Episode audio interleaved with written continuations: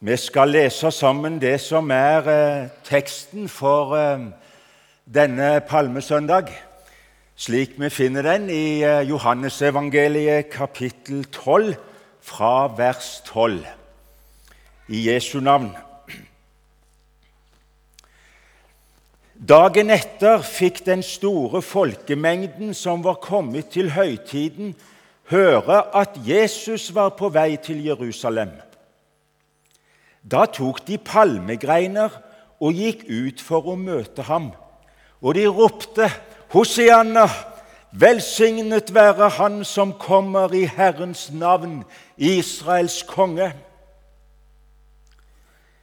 Men Jesus fant et ungt esel og satte seg på det, som det står skrevet. Frykt ikke, Sions datter. Se, din konge kommer sittende på en eselfole. Dette skjønte ikke disiplene hans fra først av. Men da Jesus var blitt herliggjort, da mintes de at det, dette var skrevet om ham, og at de hadde gjort dette for ham. Folkeskaren som hadde vært med ham da han kalte Lasarus ut av graven og reiste ham opp fra de døde, vitnet om det. Dette var også grunnen til at folket gikk ham i møte, fordi de hadde hørt at han hadde gjort dette tegnet. Fariseerne sa da seg imellom.: Dere ser at dere ikke oppnår noe. Se, all verden løper etter ham. Blant dem som pleide å dra opp for å tilbe under høytiden, var det noen grekere. Disse kom da til Philip, som var fra Betzaida i Galilea, og ba ham og sa, 'Herre, vi vil gjerne se Jesus.' Philip kommer og sier det til Andreas. Andreas og Philip går og sier det til Jesus. Men Jesus svarer dem og sier, 'Timen er kommet, da menneskesønnen skal bli herliggjort.' Sannelig, sannelig, sier jeg dere, hvis ikke hvetekornet faller i jorden og dør, blir det bare det ene kornet. Men hvis det dør, bærer det mye frukt. Herre Jesus, vi har lyst til å takke deg for ordet til oss i dag. Og Nå ber vi Herre Ånd fra himmelen, kom med nåde, kom med liv og lys her ned. Herre, du vet vi er så avhengige av det at det var du som kunne få lov å tale ordet til oss og legge det inn i våre hjerter. Og ber vi om det, så ber vi, Herre, for denne påskehelga, om du kunne få lov å møte oss i evangeliet om din død og din oppstandelse. Herre, så takker vi deg også fordi vi skulle få lov å være med og sende vitner om dette bud ut der ditt navn ennå er ukjent. Jeg har lyst her også i dag å minne deg om våre utsendinger. De som også er reist ut fra Stavanger og området rundt her. Herre, Herre, vil du velsigne påskehelga for dem, om de kunne få lov å være sanne vitner om påskens budskap for deg de skal tale for. Og vi ber, Herre, om at ditt rike må komme imellom oss. Vi ber om det i ditt navn. Amen. Alle evangelistene, både Matteus, Markus, Lukas og Johannes har ved Guds ånd nedtegnet denne hendelsen som vi nå har lest sammen, med ulike innfallsvinkler og med ulike detaljer, så får vi det fulle bildet av det som skjedde denne palmesøndagen. Jesus kommer for siste gang nå til Jerusalem, til påskefesten. Men denne måten han nå kommer inn i Jerusalem på, den markerer på mange måter et skifte i hvordan Jesus tillater folkets oppmerksomhet å hylles. Folket venta en Messias. De venta Messias. De kunne Skriftene. Ja, de hørte de lest hver sabbat i synagogen. Og de venta at det skulle komme en. Moses hadde talt om at det skulle reises opp en profet. Hadde Moses talt om. En som skulle tale Guds ord. Profetene hadde talt om rettferdighetskongen som skulle komme, han som skulle komme og sette alle ting i rette skikk og gjenreise Davids falne hytte. Jo, de venta en som skulle komme. De venta en Messias, en som skulle sette dem i frihet. Og nå trodde de og var opptatt av om de kunne bli fri fra romernes okkupasjonsmakt. Og de hadde fulgt denne mannen fra Nasaret. De hadde hørt mye om han. Mange hadde sett han. Mange hadde også oppsøkt ham de tre åra han nå hadde vært i offentlighetens søkelys. Og de var begynt å undre seg. Og mange stilte spørsmål. Du, hvem er han? Er han Messias? Eller er han profeten som Moses hadde talt om? Hvem er han? Mange ganger kan du lese om folket som diskuterte seg imellom, og om ryktene som gikk. Og bakgrunnen var at de hadde sett alt han gjorde alle underne og tegnene som han gjorde. Det var bare én som hadde guddommelig makt og opphav, som kunne gjøre slike ting.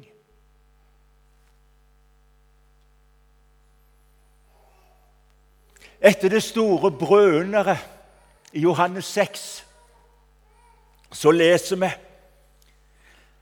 at da nå folket så det tegnet han hadde gjort sa de. Dette er i sannhet profeten som skal komme til verden. Det sa de. Dette er han som skal komme til verden. Og Så står det videre at da når Jesus skjønte at de ville komme og ta ham med makt for å gjøre ham til konge, trakk han seg igjen tilbake og gikk opp i fjellet han selv alene. Og frigjør de fra de romerske okkupantene, det ville kreve en mektig befrier. Husk på hva slags maktapparat som hadde inntatt Israel. Det var det romerske imperiet som styrte hele datidens kjente verden. Og det var de som satt med makta og myndigheten også i Jerusalem over Israels folk. Og Jesus hadde, som jeg sa, bevist at han var i besittelse av ekstraordinære, ja, guddommelig makt. Drømmen, drømmen deres om at løftet om å realisere, ja, reetablere Davids kongedømme, det var nå innenfor rekkevidde. Folk så det. Og nå nylig, bare veker før, så hadde de vært vitne til der i Betania at han hadde ropt en død mann ut av grava. Lasarus, kom ut!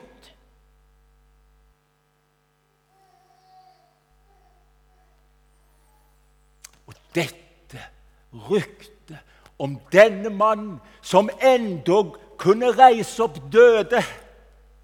Det var på alles lepper nå denne påskehelga i Jerusalem.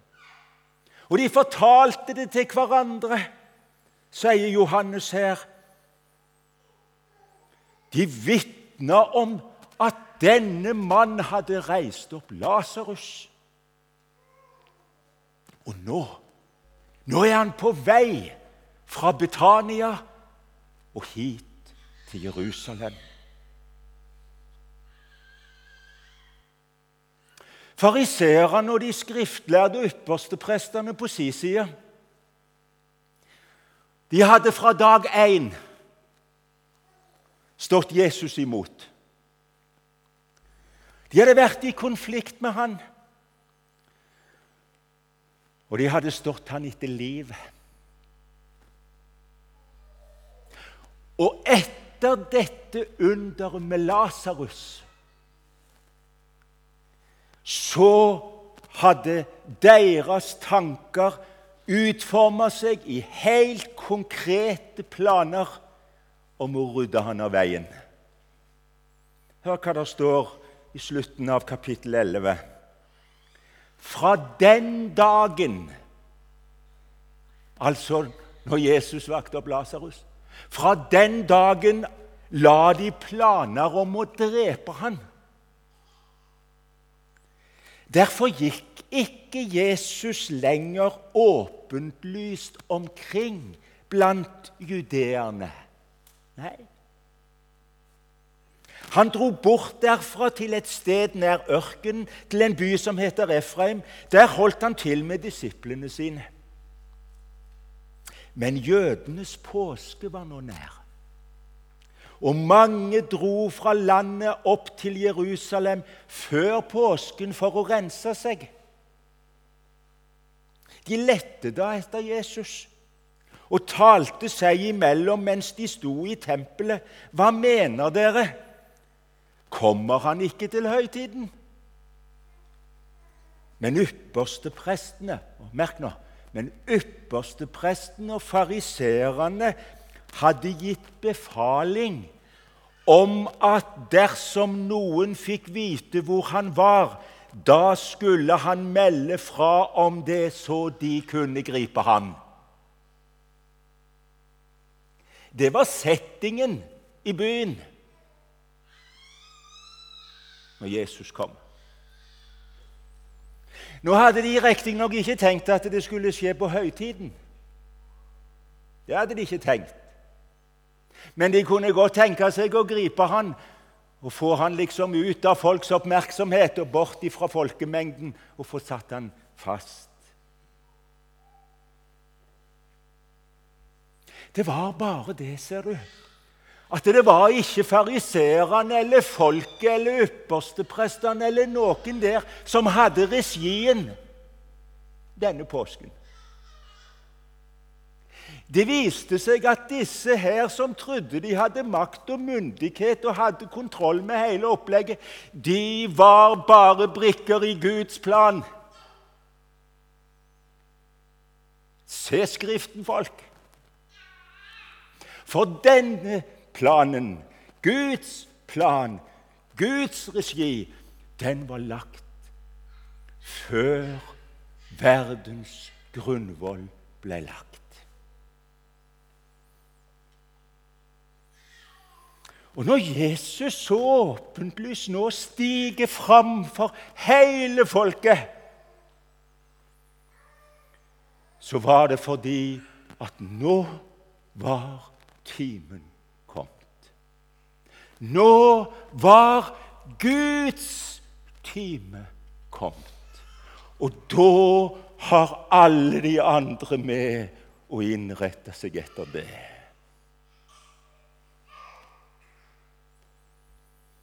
Timen er kommet da menneskesønnen skal bli herliggjort.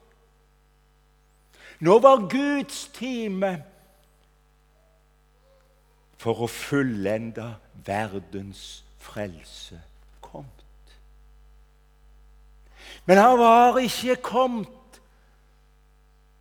denne gangen for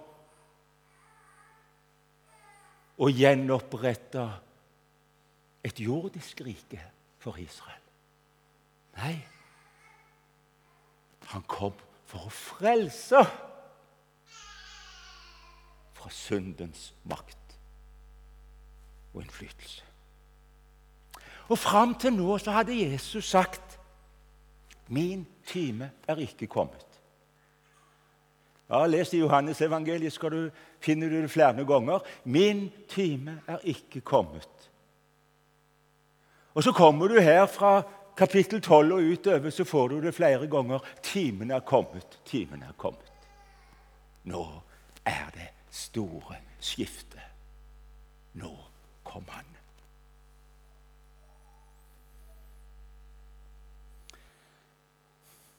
Verdens frelses skulle ikke skje i det skjulte.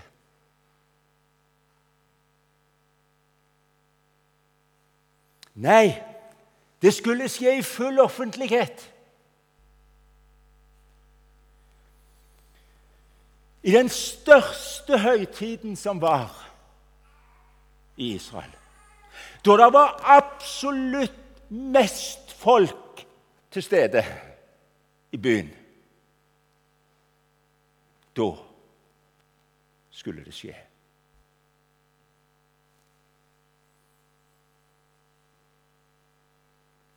Og dommen ble felt av representanten for den romerske keiseren i Rom, som styrte hele imperiet. Mm. Sånn hadde Gud regissert det.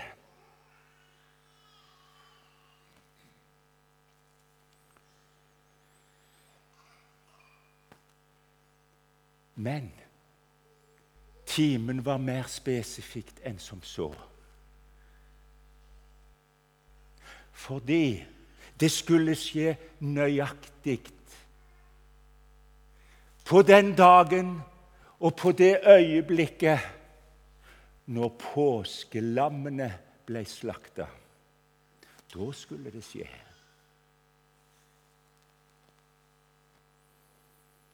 Da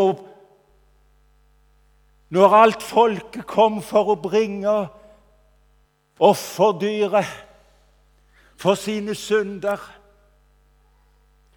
Og de kom ifra hele landet med disse dyra inn på tempelplassen for at de skulle slaktes. Et dyr for hver ti personer i husstanden. Hm? Nå kom de. Mange tusen dyr. Nøyaktig når det foregikk den fredagen, så spennes mellom himmel og jord vårt påskelam. Den Herre Jesus Kristus, det fullkomne offer, det endelige offer. Da spennes han ut mellom himmel og jord og blir gjort til synd for oss. Nøyaktig da skjedde det. Nøyaktig da. Og det skal aldri gjentas. Skal aldri gjentas. For han gjorde det fullkomment. Det er det alt dette her nå egentlig peker mot og styres mot når Jesus kommer med følge fra Betania og Betfage opp mot Jerusalem. Nå skal hvetekornet legges i jorda. Nå skal kveitekornet legges i jorda.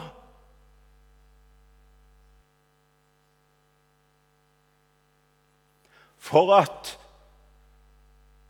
det skulle bli en frukt, for at det skulle bli en frelse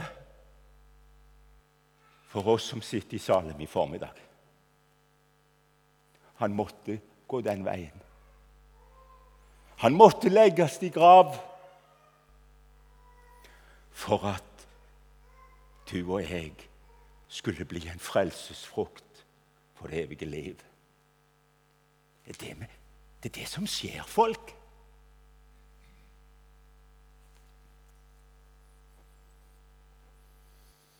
Men her denne palmesøndag var det en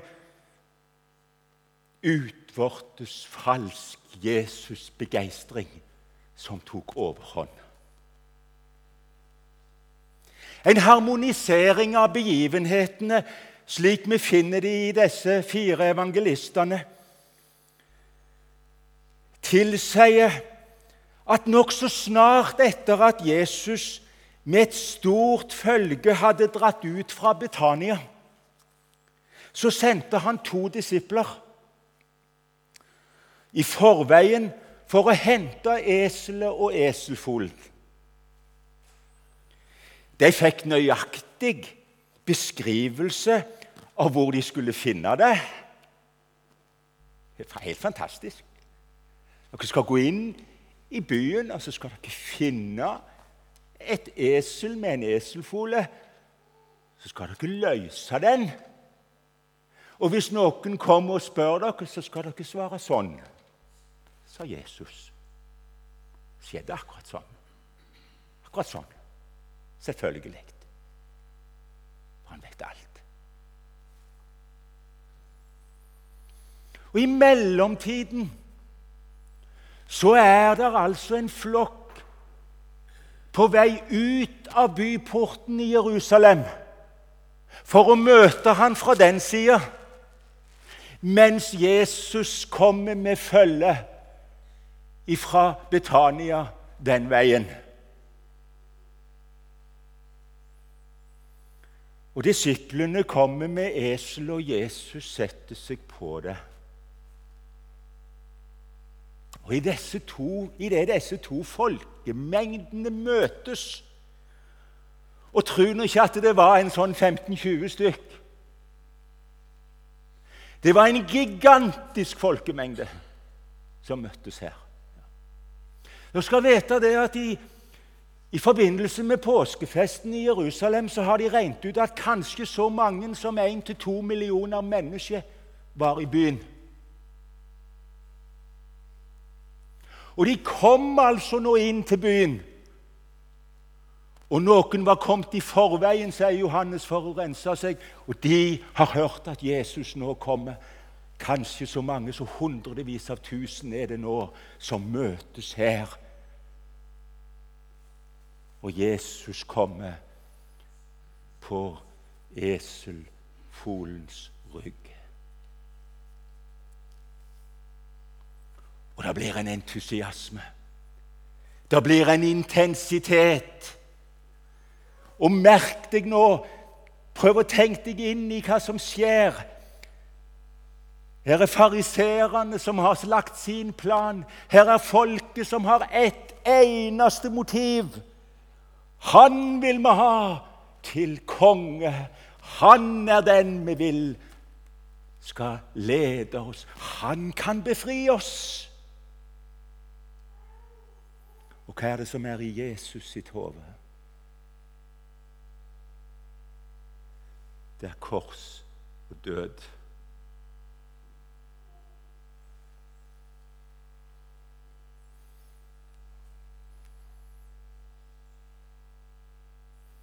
Og fariseerne de frykter nå sa hva som kommer til å skje. Og ifølge Lukasevangeliet så ber de Jesus irettesette folket når de roper Hosianna, og når de nå ja, de er redde at hele situasjonen kommer ut av kontroll. Og hva da?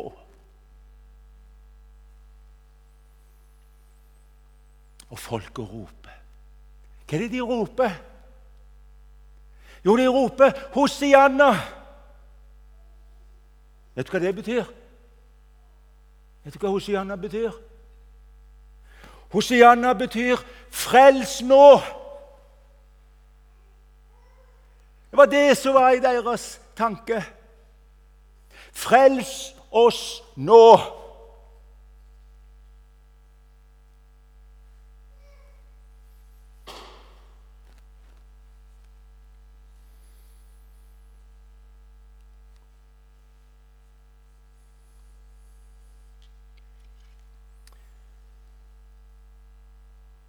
Men Jesus, som vet hvilke tanker og motiv de har, de som nå roper 'Frels oss', 'Befri oss'. Og du må gjøre det nå. står det at det, hos Lukas det òg at når de kommer klar av Oljeberg, så ser de byen. Og da står det at Jesus gråter. Da under tilropene og Hosianna-rop og en mektig hyllest og triumf så står det det at Jesus begynner å gråte. Og han gråt over folket i Jerusalem. Da han kom nær og så byen, gråt han over den og sa, visste også du, om enn først på denne din dag, hva som tjener til din fred, men nå er det skjult for dine øyne. For dager skal komme over deg da fiendene dine kaster en vold opp omkring deg, og de skal omringe deg og trenge deg fra alle kanter. Og de skal slå deg til jorden, og dine barn i deg. De skal ikke la stein bli tilbake på stein, fordi du ikke kjente din besøkelsestid. Dommen kom over dere i Jerusalem, og de fikk smake den i år 70. Det ble ikke stein på stein, tempelet i byen. Fordi dere ikke kjente besøkelsestida deres. Dere forsto ikke hvorfor jeg kom. Dere avviste meg. Der er Jesus på vei til kors og død og ekko av Hosianna-rop og triumfen preger folket. Nå ser vi utgangen på vanskeligheten i forhold til Romerriket.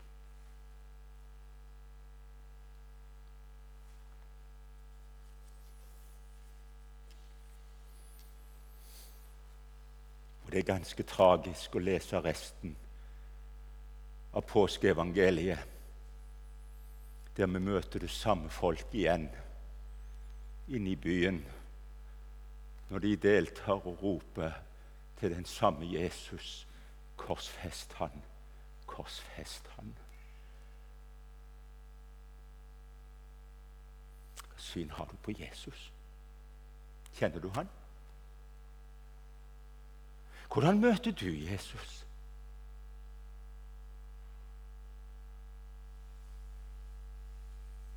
Er det en som du tror bare skal kunne fikse livet ditt? Er han en sånn tilflukt bare for at du skal få det godt og behagelig? Er det en som skal rydde opp i alt du ikke greier å rydde opp i sjøl? Det er mange slags motiv for å komme til Jesus. Men Jesus kom for å søke og frelse det som var fortapt. Han kom for å befri deg fra syndens makt og dom. Hør det! Han kom for å frelse. Og det var jo det som profeten Sakarias hadde talt om, og som de her også refererte til denne palmesøndag. Profetordet oppfylles. Sakarias 9, 9. Rop med fryd, du Sions datter. Rop høyt, Jerusalems datter. Se, din konge kommer til deg. Rettferdig er han og full av frelse. Fattig er han og rir på et esel, på den unge eselfolen. 500 år før du hadde profeten talt disse ord. 500 år før. Og hva skjer? Det oppfylles nøyaktig slik som det står. Men folket forsto ikke rekkevidden av det nå heller. Det er, kommet, det er din konge som kommer nå. Jo, de hadde vært tilskuere til at en fremmede konger inntok Jerusalem og inntok Sion, som er et annet navn for Jerusalem. Erobringer som innebar frykt og redsel for folket. Men frykt ikke nå, Jerusalem. Frykt ikke. For han som nå kommer, han vil være din konge. Han vil være din konge. Det er han som kommer. Det er for deg og din frelse han kommer. Se det!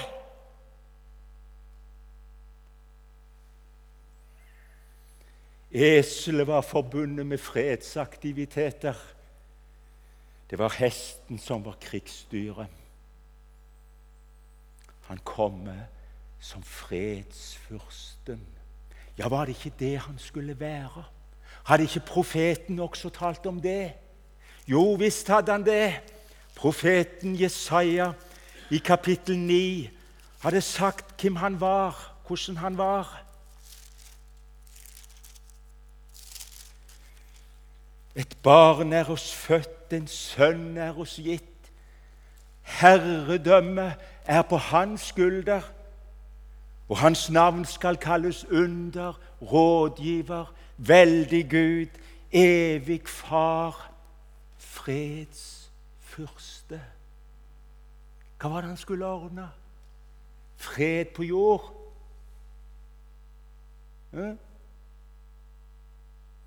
Fred med Gud. Fred med Gud. Han kom for å gi fred mellom menneske og Gud. Derfor kom han første gangen. Når han kommer andre gang, da skal han gjenopprette rettferdighetsriket og Davids falne hytte. Ja! Og Da skal han også skape Komme han med dom over de som forkaster han, men han kommer for å gjenopprette det fullkomne riket. Ja, det blir en annen triumf når han kommer den gangen, enn han kom denne gangen til Jerusalem. Sannelig, sannelig, sier dere, sier Jesus, hvis ikke kveitekornet faller i jord og dør, blir det bare det ene kornet. Men hvis det dør, så bærer det mye frukt. Og Det står en interessant fotnote, og det skal vi ta med til slutt. Dette skjønte ikke disiplene, står det. Det som skjedde her denne palmesøndag, det, det skjønte de ikke. Men da Jesus var blitt herliggjort, da mintes de at dette var skrevet om han. Og at de hadde gjort dette for han. Du sier Johannes, du vet du hva? Vi forsto ikke dette her med heller til å begynne med. Dette her gikk ikke opp for oss heller. Hva det egentlig var som skjedde. Men etter at hans oppstandelse, etter hans var blitt herliggjort, på andre sida av korset, så så vi det. Og de ble vitner om det de hadde sett og hørt. Og de ble frimodige vitner. Vi skjønte ikke alt da, men nå har vi sett det. Vi har møtt han sjøl. Vi har sett hva han har gjort. Det stemte alt sammen. Og nå skal vi få være med og høste fruktene av hvetekornet som ble lagt i jord. Det er misjonens svære privilegium. Å få være med og høste inn det som var fruktene av Jesu Kristi døde oppstandelse. Må preike det, folk. Må forkynne det. Det er det eneste håp for verden. Det er det eneste som kan bringe framtid og håp. Det er om de får møte Han som i ydmykhet og saktmodighet drog inn i Jerusalem og var sikta mot kors og død. Hvetekornet legges i jorda langfredag, og så står det opp med evig frukter for oss påskedag. Det er det vi skal tale om nå denne påsken. Ta det med deg. Kjære Jesus, jeg takker deg for at du kom. Så ber jeg, Herre, at vi må være blant deg som tar imot deg. Jeg ber om det for oss som er her, og at vi kunne få lov å se inn i denne merkelige, underlige livslov i ditt rike. Hvetekornets lov. Herre, Herre, vi bøyer oss i ydmykhet for budskapet. Og så ber vi, Herre, at du må tale det inn i våre hjerter.